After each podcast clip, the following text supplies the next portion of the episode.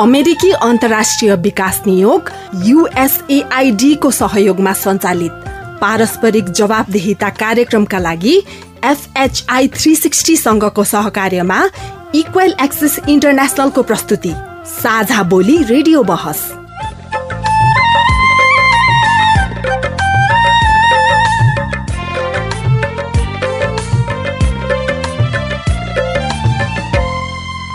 नमस्कार। साझा बोली रेडियो बहसमा तपाईँलाई स्वागत छ। म मनु। साझा बोली रेडियो बहसमा हामी नागरिक समाज आम संसार माध्यम र सार्वजनिक निकाय बीचको पारस्परिक जवाबदेहिता र आपसी दिगो सम्बन्धका विषयमा बहस गर्छौँ। पारस्परिक जवाबदेहिताका क्षेत्रीय सवाल र परिवेश समेटेर तयार पारिएको साझा बोली रेडियो बहसको यो स्थानीय संस्करण हो।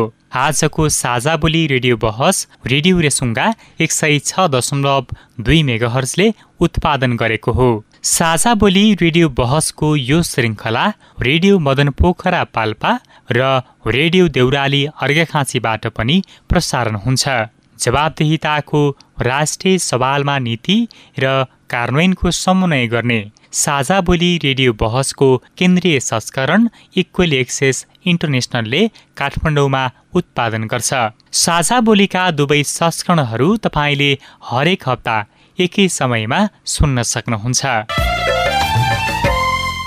साझा बोली रेडियो बहसको यस सत्रको यो स्थानीय संस्करणको आज सातौँ भाग हो। झन्डै चार वर्ष अघिदेखि प्रसारण भइरहेको साझा बोली यस वर्ष रेडियो बहसका रूपमा उत्पादन तथा प्रसारण हुन लागेको हो।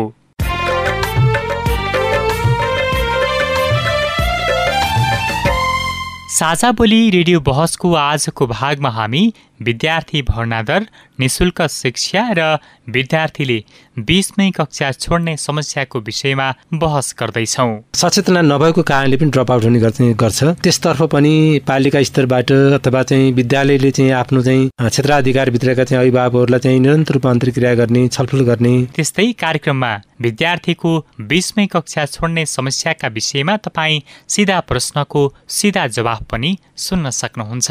दिनभरि अब बाबामा कमाउन जान्छ खेती किसानमा। अनि बालबच्चा यस्तै छोडिदिन्छन् कि? स्कुल जा भन्छ अब स्कुल त बिहान त अब पठाउँछन् त्यसपछि अब स्कुलमा गएर पनि अब यिनीहरू चाहिँ खास गरी अब एकछिन पढ्यो त्यसपछि बाहिर निस्क्यो सरहरूले पनि केयर गर्दैन। साथै विद्यार्थीले बिचमै कक्षा छोड्ने समस्याको समाधानका लागि पालिकाले गरिरहेको पहलको विषयमा पनि हामी चर्चा गर्नेछौँ। हामीले नीति निर्माण तहमा यो कुरालाई कार्यपालिकामै यो छलफलको विषय होइन यसलाई व्यवस्थापन गर्ने यसलाई कसरी व्यवस्थापन गरेर उपयोग किसिमबाट यो निर्माण गर्ने भन्ने विषयमा विषयमा कार्यपालिकामा नै यो विषयलाई प्रवेश गर्ने गरी यो हामीले छलफल गर्छौँ। साझा बोली रेडियो बहस अमेरिकी अन्तर्राष्ट्रिय विकास नियोग युएसएआइडी मार्फत अमेरिकी जनताहरूको सहयोगका कारण सम्भव भएको हो।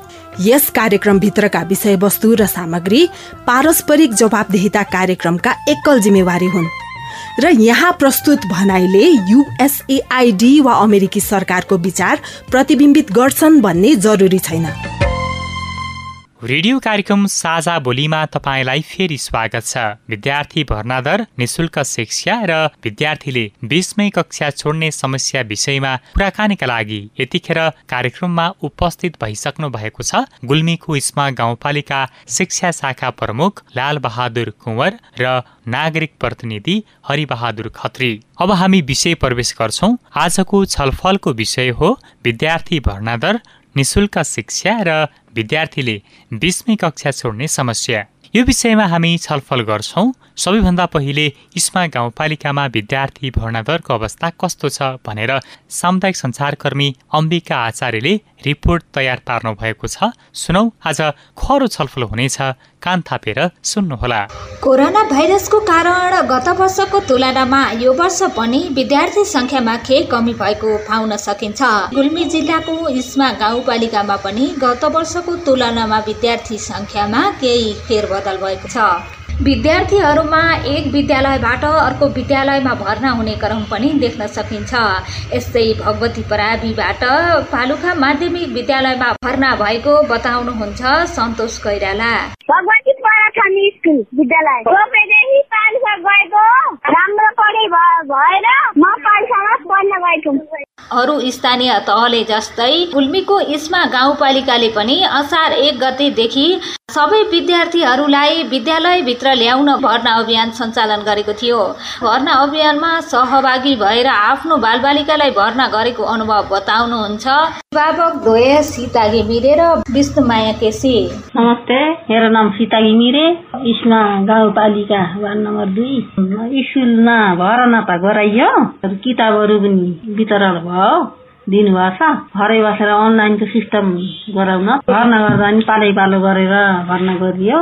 भर्ना गर्दा पनि अब पैसा नलाग्ने राम्रै छ। नाम विष्णुमाया केसी हो इस्मा गाउँपालिका दुई भर्ना गरियो छ अनि पढाइ भएको छैन अझै स्कुल खुलेको छैन। अनलाइन सिस्टमबाट पढ्ने भनेर अनलाइन सिस्टम गराइएको छ। नेटले बराबर काम नगरेको हुँदा कहिले राम्रोसँग नेटले टिप्छ र काम पढाइ पनि हुन्छ कहिले कसो। कोहीले नेटले काम बराबर नगरेको हुँदा सरहरूसित एक दुई कुरा मात्रै छलफल गरेर नानीहरू भर्ना गर्दाखेरि शुल्क लागेको छैन। किताब पनि आइसकेको छ। किताब पनि निशुल्क दिनुभएको छ। विपन्न समुदायका बालबालिकाहरूलाई विद्यालयको पहुँचमा ल्याउन विभिन्न विद्यालयहरूले आफ्नो तरिकाबाट पहल गरिरहेको पाइन्छ। यस्तै पालुखा माध्यमिक विद्यालयमा पनि विद्यार्थी भर्ना दर वृद्धि गर्नका लागि विभिन्न सेवा सुविधाको व्यवस्था गरेको अनुभव सुनाउनुहुन्छ। पालुखा माध्यमिक विद्यालयका विद्यालय व्यवस्थापन समितिका अध्यक्ष कामलाल केसी।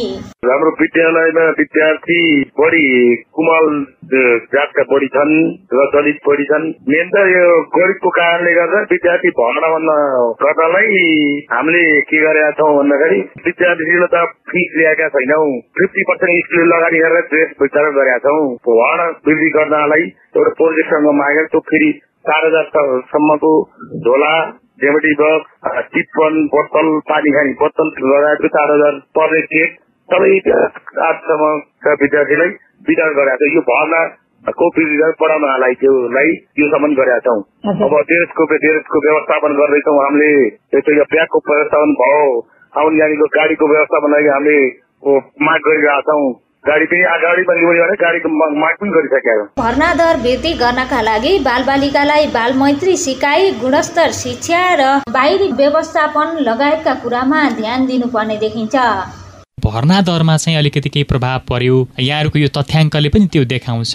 यसो चाहिँ किन भयो होला लालबहादुरजी? पछिल्लो समयमा विद्यार्थी भर्नाको एउटा त अहिले पछिल्लो जुन कोरोना भाइरसको समस्या छ यही कोरोना भाइरसकै कारण पनि विद्यार्थीहरू विद्यालयमा भर्ना नभइसकेका हुन् कि भन्ने एउटा हाम्रो विश्लेषण छ। र अर्को जस्तै विद्यार्थीहरूको स्वाभाविक रूपमा विद्यार्थीहरूको सङ्ख्या उत्पादनदेखि लिएर विद्यार्थीको सङ्ख्या पनि कम भएको कारण सङ्ख्या कम भएको हो कि। र अर्को फेरि विद्यार्थीहरूले अभिभावकहरूको जुन एउटा गुणस्तरीय शिक्षाको खोजीको क्रममा एक किसिमले गाउँबाट सहर केन्द्रित हुने अनि अलिक गुणस्तरीय धेरै व्यवस्थापन भएका विद्यालयहरूमा पढाउन पाए भन्थ्यो भन्ने चाहनाले पनि विद्यार्थीहरूको बसाइ छराई अभिभावक सहितको बसाइ छराईकै कारणले गर्दा पनि भर्ना कम भएको हुन सक्छ भन्ने लाग्छ हामीलाई। त्यति मात्र होइन जस्तो सरले नै भर्खरै भनिरहनु भएको कुरामा चाहिँ अब ग्रामीण क्षेत्रमै हामीले गुणस्तरीय शिक्षा प्रदान गर्न सकेको भए त त्यो खालको समस्या आउने थिएन होला। अब यो प्रयासहरू अत्यन्तै निरन्तर रूपमा भइराखेका छन्। प्रयासहरू गर्दा पनि कतिपय कुराहरू विषयगत शिक्षक व्यवस्थापनका कुराहरू भौगोलिक विकटताका शिक्षाका कुराहरू बजेट अभावका कुराहरू शिक्षाको राष्ट्रिय नीतिबाट बजेट विभाजन हुने कुराहरू यी कुराहरूले गर्दा आकाङ्क्षा अनुसार अथवा योजना अनुसार काम सम्पन्न गर्न र अगाडि बढ्नलाई केही कठिनाइहरू अवश्य भएका छन्। यो प्रयासहरू स्थानीय तहमा पनि भइरहेका छन्। कसरी विद्यालयहरूमा समान शिक्षा दिन सकिन्छ गुणस्तरीय कायमहरू गर्न सकिन्छ भन्ने कुराहरू स्थानीय तहबाट मात्रै अहिलेको वर्तमान अवस्थामा स्थानीय तहले मात्रै गर्दा पनि ती सबै कुराहरू सफल नहुने जस्तो देखिएर सङ्घीय सरकारको पनि यसमा दृष्टिकोण पुगेर व्यवस्थापन गर्नुपर्ने आवश्यकता देखिएको छ। अब म हरिबहादुरजीतर्फ जान चाहन्छु। भर्खरै लालबहादुरजीको कुराकानी सुनि नै हाल्नुभयो तपाईँले। गाउँपालिकाले गरिरहेका कार्यहरू चाहिँ यो भर्नादर वृद्धिका लागि यो विद्यालयप्रति चाहिँ विद्यार्थीहरूलाई आकर्षण गर्नका निम्ति गरिराखेका कार्यहरू चाहिँ तपाईँ कति प्रभावकारी देख्नुहुन्छ? शैक्षिक क्षेत्रमा चाहिँ क्रियाशील चाहिँ सामुदायिक र संस्थागत गरी दुई किसिमको विद्यालयहरू गाउँमा पनि र सहरमा पनि चाहिँ सञ्चालन भएको चाहिँ देखिन्छ हामीहरू। पहिलो कुरा त विद्यार्थी भर्नामा आकर्षण हुने भनेको शिक्षाप्रति अभिभावकहरू विशेष गरी चाहिँ विद्यार्थीका अभिभावकहरूको चाहिँ एउटा विश्वसनीयता चाहिँ महत्त्वपूर्ण पाठ हो जस्तो लाग्छ मलाई। आफ्नो चाहिँ बच्चा बच्चीहरू आफ्नो सन्ततिहरूले राम्रो शिक्षा पाओस् भन्ने उद्देश्यले अहिलेको चाहिँ समयमा अभिभावकहरूले अत्यन्तै ठुलो मेहनत गर्ने लगानी गर्ने र कुनै पनि किसिमको बागनी नगरिकन शिक्षामा चाहिँ आफ्नो बच्चा बच्चीहरूको भविष्य सुरक्षित हुने गरी चाहिँ काम गर्न खोजेको देखिन्छ। त्यसैले मलाई त के लाग्छ भन्नुहुन्छ भने हाम्रो शिक्षा प्रमुखजीले पनि भन्नुभयो कोभिडको चाहिँ कोभिड नाइन्टिनको चाहिँ पाटो एउटा छ होला। त्यो बाहेक मलाई कस्तो लाग्छ भने जुन बसाइ सराई चाहिँ ग्रामीण भेगबाट सहर केन्द्रित चाहिँ जुन चाहिँ टेन्डेन्सी छ ट्रेन्ड चाहिँ छ त्यो विशेष गरी आफूले चाहिँ आफ्नो घर गाउँमा रहेको शैक्षिक संस्थाप्रति चाहिँ विश्वास आर्जन गर्न नसकेको विश्वसनीयता चाहिँ हुन नसकेको हो कि जस्तो लाग्छ मलाई चाहिँ। त्यसैले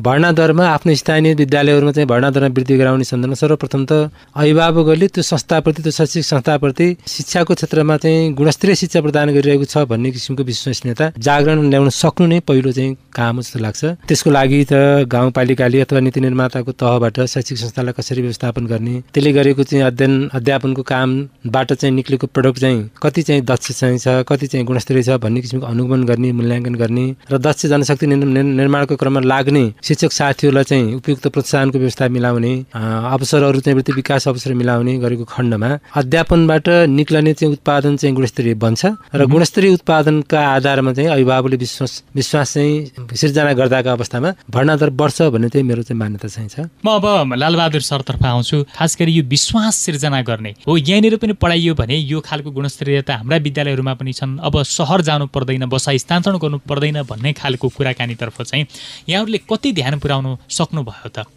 यो विषयमा केही प्राविधिक समस्याहरू पनि छन् जस्तै हाम्रो आदरणीय हरिसरले जुन कुरा राख्नुभएको छ। र अहिले कस्तो छ भने स्थानीय तहमा शिक्षालाई अब माध्यमिक तहको सम्मको शिक्षालाई व्यवस्थापन गर्ने जिम्मा पनि स्थानीय तहमा छ। यसै अन्तर्गत पनि यी कस्तो भइरहेको छ भने कतिपय प्राविधिक समस्याहरू जस्तै यो तपाईँले पनि कतिपय फिल्डहरूमा हेर्नुभएको छ जुन विद्यालयमा प्रस्तावित विद्यालयहरू खुलेका छन्। निमावि तह मावि तहमा प्रस्तावित विद्यालयहरू खुलेका छन् चलेका छन्। अब निमावि र मावि तहमा विषयगत दरबन्दीको व्यवस्था नीतिगत रूपमा छ तर अब त्यसलाई न त विषयगत रूपमा व्यवस्थापन दरबन्दी व्यवस्थापन हुन सकेको छ न त विषयगत रूपमा दरबन्दी व्यवस्थापन गर्नलाई पर्याप्त रूपमा बजेट शिक्षाबाट विनियोजन सङ्घीय सरकारबाट पनि हुन सकेको छैन। स्थानीय सरकारले पनि सम्बोधन त गरेको छ तर पनि अब वर्तमान गणित विज्ञान अङ्ग्रेजी भाषा विषयका उपयुक्त योग्यता भएका शिक्षकहरूलाई व्यवस्थापन गरेर सञ्चालन गर्ने कुरा अहिले पनि पूर्ण रूपमा लागू हुन सकेको छैन। त्यसले गर्दा के पनि भयो भने अब विद्यालय विद्यालयहरूमा विद्यार्थीहरू अहिले अभिभावकहरूले पनि तुलनात्मक रूपमा विषयगत रूपमा शिक्षकहरू भएको उचित किसिमको व्यवस्थापन भएका विद्यालयहरू खोज्ने क्रम हाम्रो आदरणीय हरि सरले भने जस्तै अभिभावकले खोज्ने क्रम बढिरहेकै छ र त्यो स्वाभाविक पनि हो। र यसलाई हामीले पनि व्यवस्थापन गर्नुपर्छ भन्दा भनेर खोज्दै गर्दा पनि विषयगत दरबन्दीहरू पनि एउटा समस्याको रूपमा रहेको छ। पछिल्लो समयमा सरकारले नीतिगत रूपमा विषयगत दरबन्दी गरी दरबन्दी मिलान गर्ने कार्यक्रम ल्याए पनि अब निमावि र मावि तहमा प्राविको दरबन्दीको सङ्ख्या लगाएर राखिदिएर सङ्ख्या पुर्याइदिएर मात्रै पनि यसको समाधान भएको देखिएन। यी कुराहरू छ। भौतिक व्यवस्थापनका कुराहरू बरु तत्काल भौतिक व्यवस्थापन त स्थानीय स्तरमा उपलब्ध भएका सामग्रीहरूलाई उपयोग गरेर जाने कुरा हो त्यसलाई पनि अलिक सहज किसिमबाट व्यवस्थापन गर्न सकिएला। सबै विद्यालयमा विद्यालय रोज्ने भन्दा पनि समान किसिमको शिक्षा लागू हुने किसिमका विद्यालयहरू स्थापना गर्नलाई केही धेरै कुराहरूको व्यवस्थापन बजेटदेखि लिएर दरबन्दीदेखि लिएर अभिभावकको सक्रियता अनि सम्पूर्ण स्थानीय तहको सम्बन्धित कर्मचारीहरूको सबैको सक्रियता आवश्यक देखिन्छ। हरिबहादुर सरतर्फ जान चाहन्छु। भर्खरै लालबहादुरजीले भन्नुभएको कुरा तपाईँले सुनि नै हाल्नुभयो। खास गरी गाउँपालिकाको तर्फबाट अझै पनि सङ्घीय सरकारकै मुख ताक्नुपर्ने अवस्था छ। स्थानीय सरकारको बजेटले त्यो थेक्न नसक्ने जस्तो कुरा पनि आयो। नीतिगत कुराहरूमा हामीले अलिक व्यवस्था पूर्ण रूपले गर्न सकेनौँ कि त्यो पर्याप्त भएन भन्ने कुरा त उहाँले आफैले नै भनि नै हाल्नुभयो। यो हिसाबले हेर्दाखेरि समस्या कहाँनिर हो? विशेष गरी मलाई कस्तो लाग्छ यो शिक्षाको क्षेत्रमा भने मेरो आफ्नो चाहिँ त्यो सोचाइ अनुसार चाहिँ नमिल्न पनि सक्छ। अब राज्यले स्थानीय सरकारले नीति निर्माण गर्ने क्रममा केही कठिनाइ पनि हुन सक्छन् त्यो आफ्नो ठाउँमा छ। तर जसरी हामीहरूले सामुदायिक विद्यालय विशेष गरी संस्थागत भन्दा पनि सामुदायिक विद्यालयहरूलाई स्थानीय निकायबाट होस् स्थानीय सरकारबाट होस् अथवा चाहिँ प्रदेश सरकारबाट होस् अथवा सङ्घीय सरकारबाट होस् पर्याप्त रूपमा चाहिँ भौतिक निर्माणको सन्दर्भमा अथवा प्रशासनिक चाहिँ कार्य सञ्चालनको सन्दर्भमा चाहिने चाहिँ बजेट यथेष्ट रूपमा चाहिँ व्यवस्था गरेको हामीले चाहिँ महसुस चाहिँ गर्छौँ। र यसरी चाहिँ भएको बजेट चाहिँ स्क्याटर गर्ने चाहिँ धेरै ठाउँ छर्ने र त्यसबाट चाहिँ निक्लने चाहिँ परिणाम चाहिँ उपलब्धिमूलक चाहिँ नदेखिने र त्यो एउटा चाहिँ झारा टार्ने प्रवृत्तिबाट मात्रै काम गरेको हो कि जस्तो लाग्छ। त्यसैले एउटा गाउँपालिकाभित्र के लाग्छ मलाई भन्नुहुन्छ भने एउटा मोडल स्कुलको रूपमा कुनै एउटा इन्स्टिट्युसन चाहिँ सुरुवात गर्ने जसमा चाहिँ राम्रो खालको चाहिँ एकदम माथिल्लो अथवा चाहिँ दक्ष जनशक्ति सबभन्दा चाहिँ पढाइमा अध्ययनमा अलिकति एक्सलेन्ट भएको चाहिँ मेन पावरलाई यथेष्ट सुविधा दिएर आवश्यक रूपमा नै त्यहीँ बस्ने पढाउने अब प्राविधिक शिक्षा कुराहरू हुन सक्छन् जस्तो गणितको विषय भयो विज्ञान विषयहरू भयो। मलाई के लाग्छ भन्नुहुन्छ गाउँपालिकामा यस्तो विषयहरू जुन चाहिँ अत्यन्तै महत्त्वपूर्ण विषयहरू छन् तिनलाई चाहिँ हामीले फोकस गरेर त्यसको चाहिँ क्वालिटीलाई इम्प्रुभ गर्ने गरी सम्पूर्ण जनशक्ति सम्पूर्ण चाहिँ भौतिक सुविधाहरू सम्पूर्ण चाहिँ बजेटहरू त्यसमा लगानी गरेर आवश्यक चाहिँ तहको चाहिँ अध्यापन गर्ने एउटा वातावरण गराउन सक्यो भने पनि त्यो प्रडक्ट चाहिँ राम्रो निक्लन सक्यो भने त मलाई लाग्छ यसमा गाउँपालिका मात्रै होइन। यहाँबाट निक्लने प्रडक्ट चाहिँ राम्रो छ भन्ने किसिमको एउटा म्यासेज चाहिँ हामीले चाहिँ दिन सक्यौँ भने मलाई अन्य गाउँपालिका र अरूबाट पनि मान्छे पढ्नको लागि चाहिँ आउने एउटा वातावरण बन्छ कि जस्तो लाग्छ मलाई। अब राज्यले चाहिँ सामुदायिक विद्यालय गरेर लगानी र संस्थागत रूपमा चाहिँ विद्यालयमा एउटा चाहिँ इन्टरप्रेनरले चाहिँ गरेर लगानी चाहिँ हेर्ने भने चाहिँ धेरै चाहिँ डिफ्रेन्स देखिन्छ। तर त्यो संस्थागत विद्यालयहरूमा अब इन्टरप्रेनियरले चाहिँ कति खटेर मिहिनेत गरेर काम गरेको हुन्छ शिक्षकहरूले कति चाहिँ विद्यार्थीप्रति बढी जवाफदेही भएर अध्ययन अध्यापन लागेका हुन्छन् त्यसैको आधारमा चाहिँ विद्यार्थी सङ्ख्या उहाँहरूले चाहिँ अब प्रशस्त बटुल्न सक्नुहुन्छ। र मलाई त के लाग्छ भन्नुहुन्छ भने आफ्नो चाहिँ जुन विषयमा जुन सरले अध्यापन गर्नुभएको छ त्यो मैले जति दिन पर्ने त्यति बराबरको विद्यार्थीले ग्रहण गर्ने गरी मैले दिन सकेको छु कि छैन? र त्यो दिनको लागि मैले के के प्रविधि के के चाहिँ अब मेथड प्रयोग गर्नुपर्छ भनेर लाग्ने हो भन्ने मलाई लाग्छ। विद्यार्थी सङ्ख्या बढ्छ बाहिरिने ट्रेन्ड चाहिँ कन्ट्रोल हुन्छ कि जस्तो लाग्छ सर? म अब लालबहादुर सरतर्फै आउँछु। यसमा गाउँपालिकाले के गर्छ अब? यो सामुदायिक विद्यालयहरूलाई एउटा कस्तो पनि छ नीतिगत रूपमा पनि हेर्दा भने यो भौगोलिक विकटता पनि यसमा एउटा समस्याको रूपमा देखिएको छ। अब हाम्रै यसमा गाउँपालिकाकै कुरा गर्ने हो भने सरकारी नीति अनुसार विद्यार्थीहरूलाई विद्यालय जाने समयको अवधि हेर्ने हो भने बिस मिनट तिस मिनट आधा चालिस मिनटभन्दा बढी दूरी नहुने गरी विद्यालय व्यवस्थापन गर्नलाई पनि एउटा नीतिगत रूपमा पनि देखिएको छ। तर यहाँ कस्तो छ भने अब भौगोलिक विकट त धेरै छ एउटा विद्यार्थीलाई आफ्नो घरबाट विद्यालय आउनलाई नै कतिपय विद्यार्थीलाई निमावि तहसम्मै आउन नै एक घन्टाभन्दा बढी दूरी हिँडेर आउन पर्ने अवस्थाका विद्यालय विद्यार्थीहरू पनि छन्। सङ्ख्या अलिकति कम छ फेरि त्यो विद्यार्थीको सङ्ख्या। थोरै विद्यालयहरू चलाउँ भनेर व्यवस्थापन गरेर मर्ज गरेर जाने हो भने कतिपय विद्यालयहरू त मर्ज गर्दा पनि विद्यार्थीलाई खासै समस्या नपर्ने उपयुक्त किसिमको विद्यालय चलाउन सक्ने गरी व्यवस्थापन गर्न सकिने छन्। तर धेरै विद्यालयहरूमा त्यो तह घटाइदियो भने ती विद्यार्थीहरूलाई अब एकैचोटि डेढ घन्टा दुई घन्टा बाटो हिँड्न पर्ने देखिने तह त्यहाँ राख्यो भने आठ दसजना विद्यार्थी मात्रै पाँच छजना अनि बाह्र पन्ध्रजना मात्रै कक्षामा हुँदाखेरि निमावि तहको फेरि विषयहरू सञ्चालन गर्नलाई पनि स्थानीय तहबाट लगानी गर्नलाई अलिकति कठिन हुने रहेछ शिक्षामा गर्ने लगाना अनि शिक्षा क्षेत्रको जुन सामुदायिक विद्यालयहरू सुधार गर्ने कुरालाई लगाना व्यवस्थापन अभिभावक र अनि विद्यालय परिवार र विद्यार्थी सबैको सक्रियता जागरण नगराउने हो भने यी सामुदायिक विद्यालयहरू क्रमशः बन्द हुँदै जाने विद्यार्थी सङ्ख्या कम हुँदै जाने विस्तार हुँदै जाने अवस्था देखिएको हुनाले अब यो सचेतनाका कार्यक्रमदेखि लिएर अभिभावकको सक्रियता शिक्षक साथीहरूको सक्रियता बनाउन पर्ने गरी नै अगाडि बढ्न पर्ने देखिएको छ। के के समस्याहरू रहे भन्ने कुरा तपाईँले सुनि नै हाल्नुभयो यी समस्याहरूलाई हेर्दाखेरि समाधान गर्नको लागि चाहिँ कसरी अगाडि बढ्नु पर्ला? भूगोलका कारणले पनि केही समस्या छ तर त्यसलाई चाहिँ एउटा पालिकाभित्र सबै ठाउँमा चाहिँ अब यो सडकको सञ्जाल पुगिसकेका छ। त्यसलाई चाहिँ अलिकति व्यवस्थित गर्दै जाने र चाहिँ आवागमनलाई सवारी साधनको माध्यमबाट पनि व्यवस्थित गरेर विद्यालयहरूलाई चाहिँ सकभर एकीकृत गर्दै जाने हो भने ठिक हुन्छ कि जस्तो लाग्छ किनभने विद्यार्थी सङ्ख्या पनि कर्मी रूपमा चाहिँ कम भइरहेछ।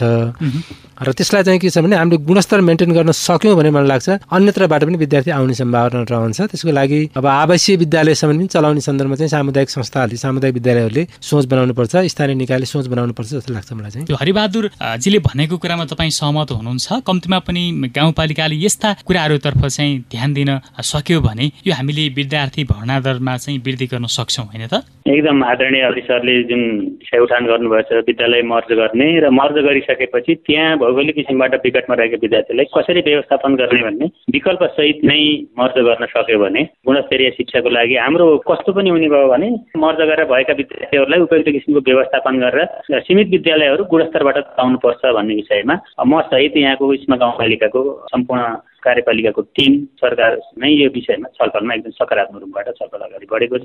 तर व्यवस्थापन कसरी गर्ने बजेट व्यवस्थापनदेखि लिएर अरू सबै कुराहरू भौतिक निर्माणका पूर्वाधारका कुराहरू कसरी व्यवस्थापन गर्ने भन्ने नीतिगत निर्णय भइसकेको छैन। तपाईँ अहिले पारस्परिक जवाबदेहिता प्रवर्धनका लागि साझा बोली रेडियो बहस सुन्दै हुनुहुन्छ। हामी कुरा गरिरहेका छौँ विद्यार्थी भर्ना दर निशुल्क शिक्षा र विद्यार्थीले बिचमै कक्षा छोड्ने समस्या विषयमा। र हामीसँग छलफलमा हुनुहुन्छ इस्मा गाउँपालिका शिक्षा शाखा प्रमुख लालबहादुर कुँवर र नागरिक प्रतिनिधि हरिबहादुर खत्री।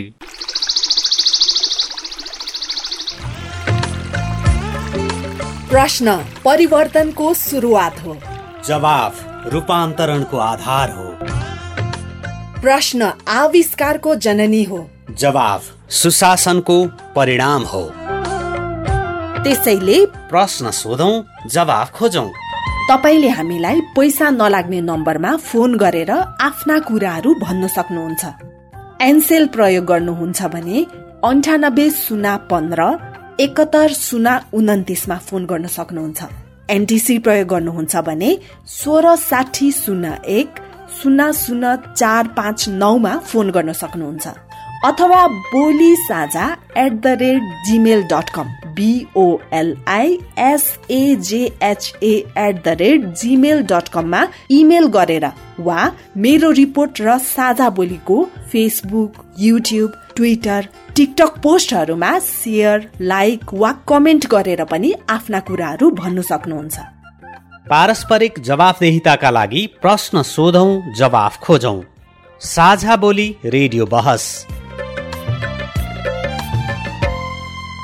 रेडियो कार्यक्रम साझा बोलीमा तपाईँ अहिले विद्यार्थी भर्नादर निशुल्क शिक्षा र विद्यार्थीले बिचमै कक्षा छोड्ने समस्या विषयमा सवाल जवाब सुन्दै हुनुहुन्छ।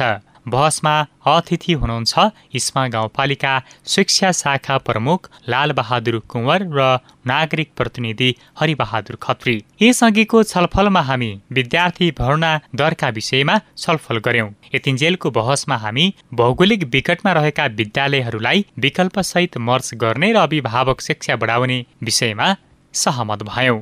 अब हामी विद्यालयमा निशुल्क शिक्षाको कार्यान्वयनको अवस्थाका विषयमा छलफल गर्दैछौँ। यो विद्यालय तहमा निशुल्क शिक्षा भनेर भनिएको छ। व्यवहारिक रूपमा कार्यान्वयनको अवस्था चाहिँ कस्तो पाउनु भएको छ निशुल्क शिक्षा भन्नाले हामीले अब मावि तह विशेष गरी एघार बाह्रले मावि तह चाहिँ भन्ने गर्ने गरेको छ जस्तो लाग्छ मलाई। प्रावि नभएर आधारभूत तह र मावि तह गरी दुई तहमा चाहिँ वर्गीकरण गरेको छ जस्तो लाग्छ। र नेपाल सरकारको नीति अनुसार चाहिँ निशुल्क शिक्षा भन्ने बित्तिकै कक्षा एकदेखि कक्षा चाहिँ बाह्रसम्मको अध्यापनमा चाहिँ कुनै पनि किसिमको शुल्क चाहिँ नलिइकन अध्यापन गर्ने व्यवस्था हो जस्तो मलाई लाग्छ। तर अहिले चाहिँ केही केही चाहिँ विद्यालयहरूले अभिभावक सहयोग अर्थात् चाहिँ कुनै भौतिक चाहिँ सहयोग भन्ने नाममा केही केही शुल्कहरू असुल गरेको पनि देखिन्छ।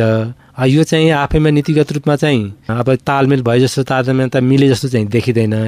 लालबहादुरजी जस्तो केही विद्यालयहरूमा खास गरी यो विभिन्न बाहना नै बनाएर भनौँ अभिभावकबाट चाहिँ त्यो शुल्क लिने काम चाहिँ भइराखेको छ। यद्यपि सबै विद्यालयमा त्यो नहोला तर यो परिपाटी अन्त्य भइराखेको अवस्था चाहिँ छैन। त्यसो भएको हुनाले यसतर्फ चाहिँ यहाँहरूले कति ध्यान पुर्याउनु भएको छ अनुगमन गर्ने कुराहरू चाहिँ? यो विषयमा निशुल्क शिक्षाको बारेमा पनि हामी इस्मा गाउँपालिकाले विद्यार्थीहरूलाई निशुल्क रूपमै शिक्षा उपलब्ध गराउनुपर्छ र सकेसम्म विद्यार्थीहरूलाई शुल्कमा जोडिनु हुँदैन।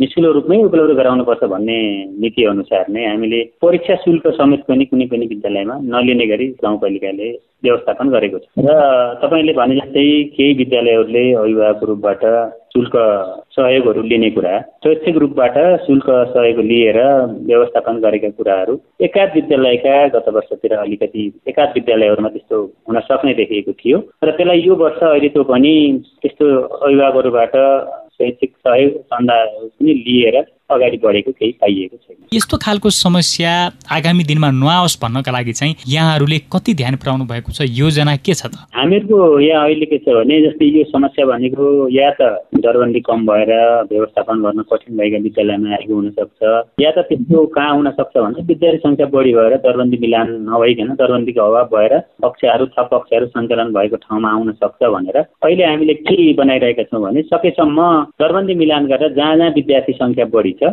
कम भएको ठाउँबाट विद्यार्थी दरबन्दी मिलान गरेर दरबन्दी व्यवस्थापन गरिसकेपछि त यसको समस्याको समाधान। त्यहाँनिर नै यो आखिरमा शुल्क लिने भनेको शिक्षक थप व्यवस्थापन गर्नलाई भने दरबन्दी मिलान गरेर शिक्षक व्यवस्थापन गर्न सकिने ठाउँहरूमा हामीले त्यो प्रक्रियाबाट अगाडि जानुपर्छ र विद्यार्थीहरूलाई निशुल्क रूपबाट शिक्षा अगाडि लाने कारणमा अगाडि बढ्नुपर्छ भनेर हामीले छलफल पनि भइरहेको छ। हामीले केही काम त्यो विद्यार्थी सङ्ख्या बढी भएका विद्यालयहरूमा व्यवस्थापन गर्ने गरी हामीले त्यो अगाडि बढायौँ। केही कार्यान्वयन पनि भइसकेको छ। केही फेरि कार्यान्वयनको निर्णय गर्ने चरणमा पनि छ। हुन्छ म अब हरिबहादुरजीतर्फ जान चाहन्छु। यो खास गरी निशुल्क शिक्षा भनेर भनिराखेको अवस्था छ तर कार्यान्वयनका हिसाबले चाहिँ व्यवहारमा हेर्दाखेरि त्यो कमै पाइन्छ।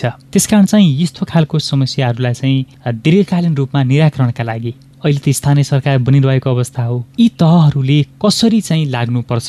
अब सामुदायिक विद्यालयहरूको आफ्नै बाध्यता पनि होला। केही चाहिँ हामीले निजी स्तरमा राख्ने शिक्षकहरूलाई चाहिने अब सेवा सुविधाका सुविधाका सन्दर्भमा चाहिँ व्यवस्थापन गर्न नसक्दा विद्यार्थीहरूको माध्यमबाट चाहिँ अथवा अभिभावकको चाहिँ माध्यमबाट केही रकम सङ्कलन गरेर चाहिँ चलाउने चाहिँ गरी गर्नुपर्ने बाध्यता होला। तर यसको दीर्घकालीन चाहिँ समाधानको सन्दर्भमा चाहिँ हामीले यस्ता सामुदायिक सामुदायिक विद्यालयहरूमा पनि स्थानीय स्तरमा उठ्ने जुन सहयोग चाहिँ छ विशेष गरी विभिन्न कार्यक्रमहरूमा।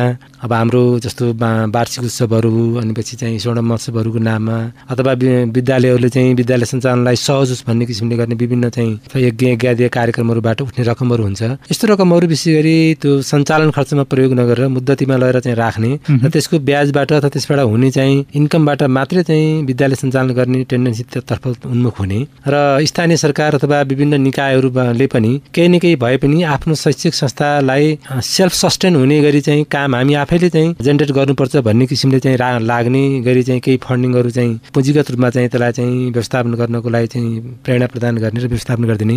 प्राविधिक शिक्षाहरूको माध्यमबाट पनि हामीले केही कार्यक्रम अगाडि लैजान सक्ने र विद्यालयले आम्दानीको पनि स्रोत चाहिँ बनाउन सक्ने हो भने यस्तो चाहिँ शुल्क असुल्न पर्ने अवस्था हुन्छ जस्तो लाग्दैन। जस्तो अब अहिले चाहिँ के छ भने पढाउने नाममा हामीले चाहिँ बाह्रै महिना अनि चौबिसै घन्टा विद्यालय पढाइरहेको अवस्था छ। र अलि सुरु सुरुमा त के थियो दुई महिना बराबरको श्रावण चाहिँ असार श्रावणतिर बिदा गर्ने। त्यो टाइममा विद्यार्थीहरू चाहिँ खेती किसानमा लाग्ने खेती किसानतर्फ विद्यार्थी उन्मुख हुने हुनुपर्ने। त्यो एउटा प्र्याक्टिकल चाहिँ शिक्षा जस्तो हुन्थ्यो।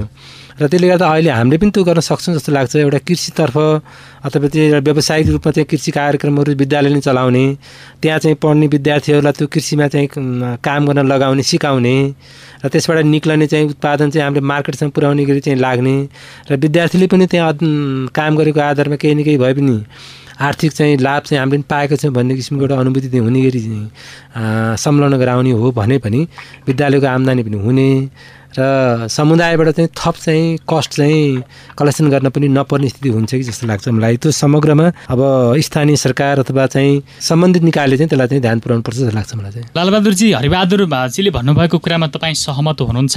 हजुर एकदम जस्तै विद्यालय रोज्ने यो विद्यालय ठिक यो विद्यालय बेठिक आखिरमा एउटै मापदण्डमा बनेका एउटै मापदण्डमा स्थापना भएका विद्यालयहरूमा एउटा ठिक अर्को बेठिक हुने जुन छ नि यसलाई जोडेर जुनसुकै विद्यालयमा पनि समान शिक्षाको अब व्यवस्थापन गर्नेतर्फ सबै लाग्नुपर्छ। सीमित व्यक्ति एउटा स्थानीय तह पदाधिकारी केही शिक्षकहरू केही अभिभावकहरू मात्रै लागेर यो सम्भव हुन होला जस्तो देखिन्न। समग्रमा सबै अभिभावकहरू सबै समाजसेवी राजनीतिक दलहरू सबै व्यक्तिहरूले अनि सामाजिक अगुवाहरू सबैले नै प्रत्येक विद्यालयमा समान तहको शिक्षा व्यवस्थापन गर्न हामी कसिनेर लाग्ने हो र हामीले त्यो कार्यान्वयन चरणमा लैजाने हो भने यो विद्यालय ठिक यो विद्यालय बेठिक भन्ने अर्थले गलत नगरेर समान किसिमको गुणस्तर छ भनेर समान किसिमको गुणस्तर कायम गरेर विद्यालय व्यवस्थापन गर्न सक्ने हो भने यो शुल्क उठाउने कुरा एउटा ठाउँमा विद्यार्थी भर्नाको लोड बने अर्को ठाउँमा रित्तै हुने कुरा पनि स्वाभाविक रूपमा समाधान हुन्छ जस्तो पनि देखिन्छ। र एउटा विद्यार्थी अहिले पछिल्लोमा कस्तो छ भने अब कतिपय कुराहरूमा शैक्षिक सामग्रीहरू पनि व्यवस्थापन गर्न नसकेर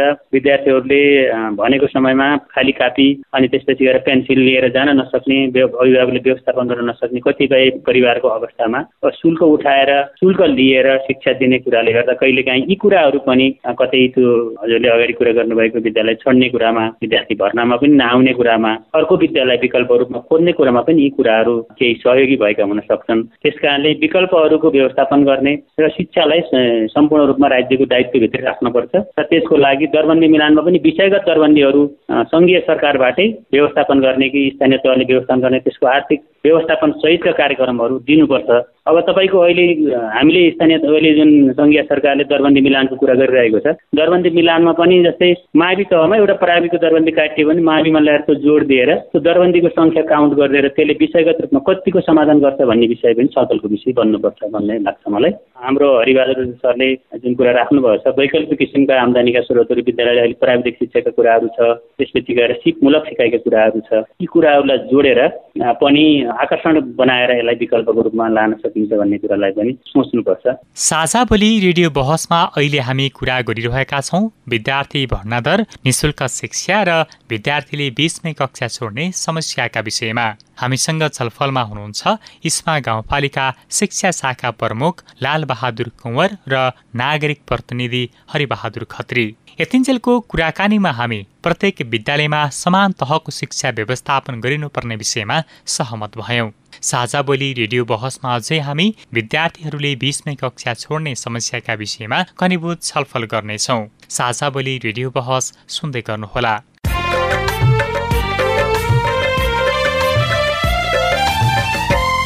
तपाईँ अहिले पारस्परिक जवाबदेहिता प्रवर्धनका लागि साझा बोली रेडियो बहस सुन्दै हुनुहुन्छ। आज हामी विद्यार्थी भर्ना दर निशुल्क शिक्षा र विद्यार्थीले बिचमै कक्षा छोड्ने समस्या विषयमा सवाल जवाब गरि नै रहेका छौँ। बहसमा अतिथि हुनुहुन्छ इस्मा गाउँपालिका शिक्षा शाखा प्रमुख लालबहादुर कुँवर र नागरिक प्रतिनिधि हरिबहादुर खत्री। यसअघि हामी विद्यालयमा निशुल्क शिक्षाको कार्यान्वयनको अवस्थाका विषयमा छलफल गर्यौं अब हामी विद्यार्थीले बिचमै कक्षा छोड्ने समस्याका विषयमा घनीभूत छलफल गर्दैछौँ। म राम्रैका महाविद्यालय प्रधान अध्यापक गुणाखर अर्याल बोल्दैछु खास गरी यो अठार वर्षभन्दा बेसी उमेर भएका केही केही विद्यार्थीहरू नौ कक्षामा भर्ना भइसकेपछि अनि रोजगारीको बजारतिर जाने सोच पनि सँगसँगै राखे आउँदा रहेछन्। त्यस गरी कोही चाहिँ अब नेपाल प्रहरी नेपाली सेनातर्फ भर्ना हुने उमेर भएका त्यतापट्टि लाग्ने अठार वर्ष पुगिसकेपछि वैदेशिक रोजगारका निम्ति पनि सायद जाने योग्य उमेर हो क्यारे। यो दुईटा कारणले गर्दा छात्रहरूमा यो समस्या चाहिँ देखियो ड्रप आउटको पछाडिको कारण। अनि छात्राहरूको हकमा अब कतिपय छात्राहरू आफू खुसी भागी बिही गरेका पनि भेटिए। मूलभूत रूपमा नौमा अलि बढी देखिया चाहिँ ड्रप आउटको कारण हामीले पहिचान गरेको यही हो। अनि अर्को फेरि उमेर अलि भइसकेका कारणले गर्दा अब रोजगारीका बजार हुने स्थानीय स्तरका चाहिँ भनौँ न यी ड्राइभरको पछाडि सहयोगको रूपमा काम गर्ने अब भोलिचालीको भाषामा खलासी भन्छन् गरे सायद है। अथवा चालक सहयोगी भएर चाहिँ बस्ने त्यस्ता पनि केही केही भेटिए र केही केही अब यो ब्रोकन फ्यामिली अथवा परिवार विभक्त भएको बाउ र आमाको बिचमा चाहिँ सम्बन्ध विच्छेद भएर अलिकति अप्ठ्यारोमा परेका त्यस्ता विद्यार्थीहरू केही केही विद्यालयबाट चाहिँ नआउने कक्षा छोड्ने गर्दा रहेछन्। हामी कहाँ देखिएको समस्या भनेको यही हो। मेरो इसमा राङदल चौर धनपति कुमार। अहिलेको त छ नम्बर वार्ड हो। पहिले साबिकको एक र दुई। पुरै कुमाल बस्ती छ यहाँ। हजुर। तिन सय घरधुरी भन्दा पनि बढी छ। अनि यहाँ के छ भन्दा सब अरू सबै गरिब गरिब छन् कि? अब अलिक ठुलाबाट भएका चाहिँ अब अर्कै छन्। उनीहरूको लहन सहन सबै अर्कै छ। अनि गरिब भएका चाहिँ अब दिनभरि अब बाबामा कमाउन जान्छ खेती किसानमा। अनि बालबच्चा यस्तै छोडिदिन्छन् कि? स्कुल जा भन्छ अब स्कुल त बिहान त अब पठाउँछन् त्यसपछि अब स्कुलमा गएर पनि अब यिनीहरू चाहिँ खास गरी अब एकछिन पढ्यो त्यसपछि बाहिर निस्क्यो। सरहरूले पनि केयर गर्दैन। अनि त्यसपछि केटाकेटी यत्तिकै घर आउँछ त्यसपछि भोलि पनि त्यस्तै जान्छ। फेरि सरहरूले त्यो केही केयरै गर्दैन कि? अनि घरको आमा आमा बुवाले पनि अनि त्यसपछि यहाँ के छ भन्दाखेरि अब उनीहरू त काममा जानुहुन्छ आमा बुवा त काममा गएपछि बेलुकी एकैचोटि आउनुहुन्छ बिहान गएपछि खानासाना खुवाउनुहुन्छ जानुहुन्छ त्यसपछि त्यस्तो छ कि सर यहाँ? किन चाहिँ यस्तो भयो? यहाँले यसप्रति चाहिँ कति ध्यान पुर्याउन सक्नुभयो? हामीले जस्तै विद्यार्थीहरूको कक्षा छोड्ने कुराहरू छ। यो दुई तिनवटा कारणले कक्षा छोड्ने गरेको हामीले पनि विश्लेषण गरिरहेका छौँ। एउटा विपन्नताको कारणले पनि कक्षा छोड्ने कुरा रहिहाल्यो। अहिले पनि त्यो कुराहरू जोड्नुभयो। चेतनाको कमी अनि कामको लोड बालमैत्री वातावरण घरमा नभएर पनि कक्षा छोड्ने कुराहरू विद्यार्थीको हुन सक्छ। अब त्यस्तै विद्यार्थीको अर्को साथीभाइबाट विद्यालयमा हुने बाटोमा हुने साथीभाइबाट अनि शिक्षक साथीहरूबाट हुने केही व्यवहारले पनि त्यो छोड्ने बाटोमा हुन सक्छ। त्यस्तै कतिपय कुरामा बालबालिकाहरूको गलत व्यवहारबाट प्रेरित भएको समूह भएको कारणले पनि विद्यालय छोड्ने कुरा हुनसक्छ। र यो कुरालाई हामीले हामीले पनि यसलाई सकेसम्म विद्यार्थीलाई कसरी विद्यालयमा टिकाउन सकिन्छ भन्ने कुरामा हामी पनि एकदम केन्द्रित भएर अगाडि बढेका छौँ। र यसमा गाउँपालिकाले योभन्दा अगाडि कुमाल जातिका बालबालिकाको लागि नै भनेर हामीले ड्रेस उपलब्ध गराउने कार्यक्रम पनि हामीले गरेका थियौँ करिब दुई वर्ष अगाडिकोमा र पछिल्लो समयमा पनि हामीले अब यो कक्षा छोड्ने कुराहरू कुनै विशेष जातिगत कुराहरूले मात्रै नभएर विपन्नताको कारणले पनि हुनसक्छ भनेर समग्र विद्यार्थीहरूलाई आधार लिएर अनि धेरैका छात्रवृत्तिका कुराहरू पनि हामीले अहिले पनि धेरै छात्रवृत्ति उपलब्ध गराएका छौँ। यो यतिले मात्रै पनि सक्ने कुराहरू कुरा नहुन सक्छ यो कक्ष छन्नेलाई पुरा रूपमा निर्मूल रूपमा पार न रोक्न नसकिने हुनसक्छ विभिन्न संस्थागत रूपमा गाउँपालिकाको भित्र केही कार्यक्रमहरू केही आंशिक रूपमा अगाडि बढेका छन्।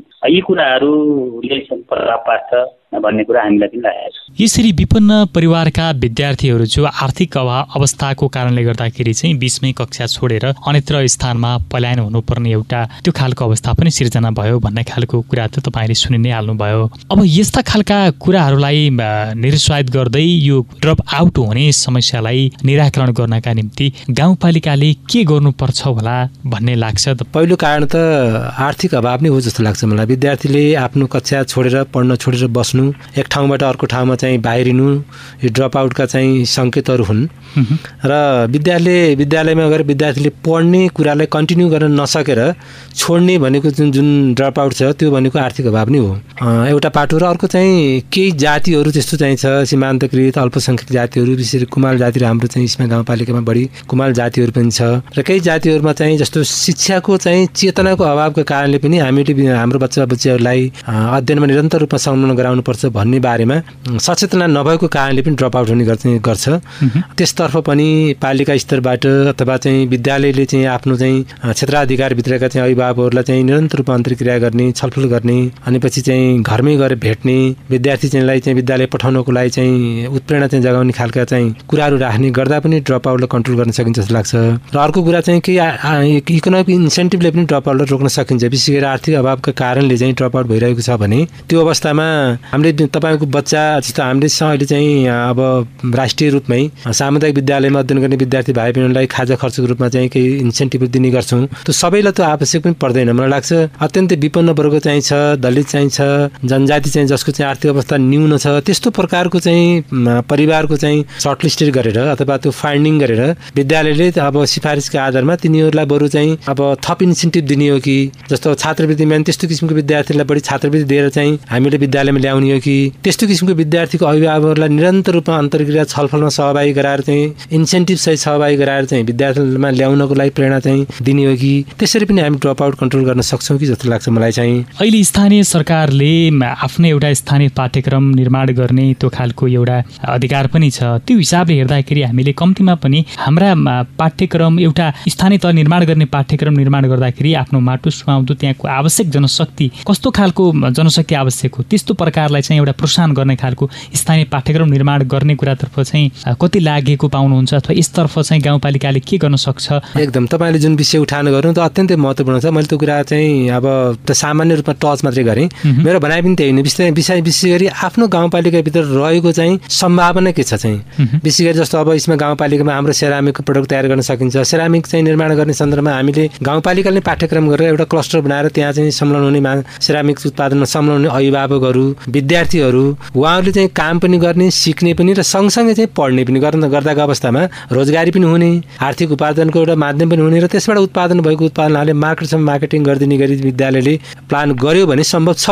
त्यस्तै चाहिँ हामीले चाहिँ जस्तो अब कृषिको क्षेत्रमा पनि हामीले विभिन्न किसिमका कार्यक्रमसँग सम्बद्ध पाठ्यक्रम गराउन सकिन्छ। मलाई लाग्छ हिजो पनि हामी एउटा सानो छलफलमा बसेका थियौँ। यो नेपाल सरकारको चाहिँ लेखा प्रमुख भएर काम गरेको चाहिँ सर चाहिँ हाम्रो हुनुहुन्थ्यो गुल्मीबाट अवकाश चाहिँ लिनुभयो। गोपाल गेवाली सर भन्ने। उहाँले चाहिँ गएर चाहिँ यहाँबाट अब निक्लेर गइसकेपछि कुरुली मात्रै गर्दा मैले चाहिँ मासिक तिन लाखदेखि चार लाख बराबर कुरुली चाहिँ बेच्छु भन्ने चाहिँ कुराकानी गर्नुभयो। मलाई लाग्छ हामीले चाहिँ विद्यालयले पनि कृषिसँग सम्बद्ध त्यो किसिमको पाठ्यक्रम निर्माण पनि गर्ने त्यो किसिमको चाहिँ अध्ययन अध्यापन गर्ने र त्यसमा संलग्न चाहिँ हुने विद्यार्थीलाई सहभागी गराए बापत इन्सेन्टिभ दिने गरी जाने हो भने मलाई लाग्छ पछि आफू अध्ययन गरेर निक्लिसकेपछि फेरि व्यवसायमा जोडिन सक्ने सम्भावनाका कारणले त्यो पाठ्यक्रम तर्फ निर्माण गर्नेतर्फ पनि स्थानीय निकाय चाहिँ अग्रसर हुँदा राम्रो हुन्छ भन्ने चाहिँ। त्यो आम चाहिँ चाहिँ यो सचेत चाहिँ विशेष गरी चाहिँ यो शिक्षाको क्षेत्रमा सम्झाउने सचेत चाहिँ नागरिकले त्यो चाहिँ महसुस गरिरहेको अवस्था छ। म अब लालबहादुरजीतर्फ आउन चाहन्छु। सुरुमा सुनेको त्यो आवाजमा जुन एउटा आर्थिक विपन्नताको कारणले गर्दाखेरि विद्यालय छोड्न बाध्य छन् भन्ने एउटा समस्या सुन्यौँ। त्यसलाई समाधान गर्नका निम्ति कम्तीमा पनि हामीले यो भर्खरै हरि बहादुर सरले भनेको कुरामा चाहिँ ध्यान दियो भने यो समस्या समाधान हुन सक्ने रहेछ। यसमा तपाईँ चाहिँ सहमत हुनुहुन्छ? एकदम। व्यावसायिक सिप भएन भने अब पढेर पनि के हुन्छ र यसको उपलब्ध के छ र आखिरमा पढेर डिग्री एकातिर प्राप्त गऱ्यो अर्कोतिर जाँदाखेरि फेरि अर्को विकल्प खोज्नु पऱ्यो भन्ने अवस्था आउन सक्ने कुरा त कैयौँ। अब हामीले पनि यहाँ शैक्षिक योग्यताको प्रमाणपत्र धारण गरेका साथीहरूबाट पनि त्यो अभिव्यक्तिहरू सुन्ने गरेका छौँ। त्यसैले यो स्थानीय पाठ्यक्रममा यी कुराहरू व्यवहारिक रूपमा व्यावसायिक रूपमा सिपमूलक कुराहरूलाई जोडेर अगाडि बढाउने कुरालाई यो आवश्यक देखिन्छ। र यसलाई हामीले अहिले पछिल्लो समयमा के पनि गरेका छौँ भन्दा स्थानीय आवश्यकता र स्थानीय रूपमा यसलाई कसरी व्यवस्थापन गर्न सकिन्छ र उत्कृष्ट किसिमको पाठ्यक्रम कसरी निर्माण गर्न सकिन्छ भनेर हामीले दुईवटा गाउँपालिकाको सहकार्यमा स्थानीय पाठ्यक्रमको प्रारूप तयार पार्ने भनेर एउटा नीतिगत प्रक्रिया नै अगाडि बढेको छ। हामी यसमा मालिका गाउँपालिका र इस्मा गाउँपालिकासँग जोडिएर काम अगाडि बढाउने भन्ने कुरा आएको छ। तथापि यसलाई कसरी कुन कुन विषय क्षेत्रलाई कसरी समेटेर लाने भनेर हाम्रो त्यो ड्राफ्ट बनिसकेको छैन। र आजको यो छलफल र हामीले पनि अनुभूति गरेका कुराहरूलाई जोडेर हामीले यसलाई पनि अगाडि बढाउन पर्छ भन्ने मलाई लाग्यो। तपाईँको तर्फबाट चाहिँ अब यो भर्खरै भनेको कुरालाई एउटा नीतिगत किसिमले त्यसमा समावेश गर्नका निम्ति पाठ्यक्रममा पनि समावेश गर्नका निम्ति भर्खरै आएको कुरालाई चाहिँ के गर्नुहुन्छ त गाउँपालिकामा? अब हामीले नीति निर्माण तहमा यो कुरालाई कार्यपालिकामै यो छलफलको विषय होइन यसलाई व्यवस्थापन गर्ने यसलाई कसरी व्यवस्थापन गरेर उपयोग किसिमबाट यो निर्माण गर्ने भन्ने विषयमा कार्यपालिकामा नै यो विषयलाई प्रवेश गर्ने गरी यो हामीले छलफल गर्छौँ। यो आवश्यक पनि छ। यस्ता यस्ता कुराहरू कसरी के के कुराहरूलाई समेट्न सकिन्छ भन्ने कुराहरू यो छलफल मोटामोटी रूपमा छलफल सुरु त भएको छ तर आजको यो छलफल कार्यक्रमले पनि यसलाई थप प्रोत्साहन आवश्यकता सबै कुरालाई जोडेको हुनाले। र यस यो कुरालाई उहाँहरूले पनि जस्तै हाम्रो कार्यपालिकामा नीति निर्मातामा रहनुभएका आदरणीय जनप्रतिनिधिहरूले पनि यो विषयलाई कसरी व्यवस्थित गर्न सकिन्छ उपयुक्त किसिमबाट व्यवस्थापन गरेर स्थानीय पाठ्यक्रम निर्माण गरौँ भनेर एकदमै गम्भीर रूपबाट सोच अगाडि बढाउनु भएको हुनाले यो सहज रूपमा छलफलको विषय र नीतिगत रूपमा अगाडि बढ्न सक्छ भन्ने मलाई लाग्छ। भर्खरै लालबहादुरजीको कुरा सुन्नुभयो तपाईँले। यसलाई एउटा कार्यपालिकामा लैजाने कुरामा उहाँ चाहिँ सहमत हुनुभएको छ। यो हिसाबले हेर्दाखेरि चाहिँ आम संसार माध्यम नागरिक समाज जनप्रतिनिधि कर्मचारी एउटा बौद्धिक जगत जो तपाईँ आफै एउटा शैक्षिक जगतको व्यक्तित्व पनि हुनुहुन्छ यो क्षेत्रको भूमिका के रहन्छ यो कार्यका निम्ति? वास्तवमा चाहिँ शिक्षाको क्षेत्रमा आमूल परिवर्तन गर्ने सन्दर्भमा चाहिँ जिम्मेवार निकाय भनेको स्थानीय निकायले आफ्नो मातहतभित्रका शैक्षिक संस्थालाई राम्रो बनाउने सन्दर्भ लाग्नुपर्छ। स्थानीय निकायले नै नीति निर्माणको तहमा चाहिँ अलिकन क्रियाशील भएर अगाडि बढ्यो भने सबै चाहिँ पछि हजुरले भने जस्तै शिक्षाको क्षेत्रमा लागेका बौद्धिक जमातहरू भयो कर्मचारीहरू भयो पत्रकारहरू भयो सबै साथीहरू जोडिँदै जाने चाहिँ अवस्था रहन्छ। त्यसको लागि हाम्रो पक्षबाट भन्नुपर्दा अब गाउँपालिकाले आवश्यकता महसुस गर्दाको अवस्थामा र विभिन्न क्षेत्रमा स्थानीय चाहिँ समुदायको स्थानीय अभिभावकको आवश्यकता अनुसार अथवा स्थानीय निकाय भएका सम्भावनाका आधारमा जुन पाठ्यक्रमहरू निर्माण गर्न खोजिन्छ त्यो बेलामा अब हाम्रो त निकायबाट हाम्रो तर्फबाट चाहिँ आवश्यक सहयोग अथवा चाहिँ विभिन्न छलफल अन्तर्क्रिया अथवा चाहिँ विज्ञ व्यक्तित्वको चाहिँ अब एउटा आवश्यकता पर्दाको अवस्थामा चाहिँ संस्थागत रूपमा चाहिँ उपलब्ध गराउने कुरामा हामी प्रतिबद्ध छौँ। र यहाँले भने जस्तै के हो भने एउटा चाहिँ पालिका एउटा गाउँपालिका अथवा एउटा चाहिँ के अरे निकायलाई चाहिँ हामीले सबैको चाहिँ आकर्षणको केन्द्र बनाउने हो त्यहाँ सम्झाउन सबै लाग्नुपर्छ। लाग्दाको अवस्थामा गर्न सम्भव छ। अब हामी साझा बोली रेडियो बहसमा सहभागी हुनुभएकोमा इस्मा गाउँपालिका शिक्षा शाखा प्रमुख लालबहादुर कुँवर त्यसै गरी रेसुङ्गा बहुमुखी क्याम्पस तम्कास गुल्मीका क्याम्पस प्रमुख हरिबहादुर खत्री। यहाँहरू दुवैजनालाई हार्दिक धन्यवाद छ। धन्यवाद।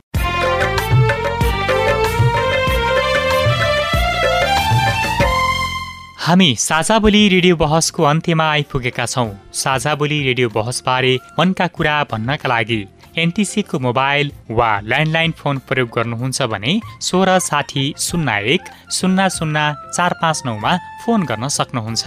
एनसेल प्रयोग गर्नुहुन्छ भने अन्ठानब्बे शून्य पन्ध्र एकहत्तर शून्य उनातिसमा फोन गर्नुहोला। यी नम्बरहरूमा फोन गरेको पैसा लाग्दैन र प्राप्त निर्देशन अनुसार प्रश्न सोध्न सकिन्छ। पारस्परिक जवाबदेताबारे आफूले देखे सुने या भोगेका कुनै कुरा लेख मार्फत व्यक्त गर्न चाहनुहुन्छ वा अरूका लेखहरू पढ्न चाहनुहुन्छ भने W W W dot MERO REPORT dot net पनि लगइन गर्न सक्नुहुन्छ। साझा बोली रेडियो बहस तपाईँले मेरो रिपोर्ट वेबसाइट पोडकास्ट च्यानल र सामाजिक सञ्जालहरूमा पनि सुन्न सक्नुहुन्छ। हवस् आजको साझा बोली रेडियो बहसबाट अब विदा हुने बेला भयो। आज हामीले विद्यार्थी भर्ना दर निशुल्क शिक्षा र विद्यार्थीले बिचमै कक्षा छोड्ने समस्या विषयमा खरो कुराकानी गर्यौं आज हामी विद्यार्थी भर्ना दर बढाउन अभिभावक शिक्षा बढाउनु पर्ने गुणस्तरीय शिक्षा प्रदान गर्नुपर्ने र विद्यालयप्रति अभिभावक र विद्यार्थीको विश्वसनीयता बढाउनु पर्ने तथा प्रत्येक विद्यालयमा समान तहको शिक्षा व्यवस्थापन गर्नुपर्ने साथै स्थानीय तहले निर्माण गर्ने पाठ्यक्रममा आफ्नो भूगोल सुहाउँदो सुपयुक्त शिक्षा समावेश गरिनुपर्ने कुरामा सहमत भयौँ। आजका हाम्रा अतिथि इस्मा गाउँपालिका शिक्षा शाखा प्रमुख लालबहादुर कुँवरले स्थानीय पाठ्यक्रममा सेपमूलक कुराहरूलाई समावेशका लागि गाउँपालिकाको कार्यपालिका बैठकमा छलफलका लागि लैजाने प्रतिबद्धता जनाउनु भएको छ र नागरिक प्रतिनिधि हरिबहादुर खत्रीले स्थानीय पाठ्यक्रम निर्माणका सन्दर्भमा आवश्यक प्रकारको सहयोग गर्ने प्रतिबद्धता जनाउनु भएको छ। आशा छ यी प्रतिबद्धताहरू पूरा हुनेछन्। यतिन्जेल ध्यान दिएर कार्यक्रम सुन्नुभएकोमा तपाईँलाई धन्यवाद। आगामी हप्ता पनि आजको जस्तै समयमा सार्वजनिक जवाबदेहिताको अर्को विषयमा खरो छलफल लिएर आउने नै छौँ। सुन्न नबिर्सनुहोला। आजको कार्यक्रमबाट म मनु पनि विदा भएँ। नमस्कार।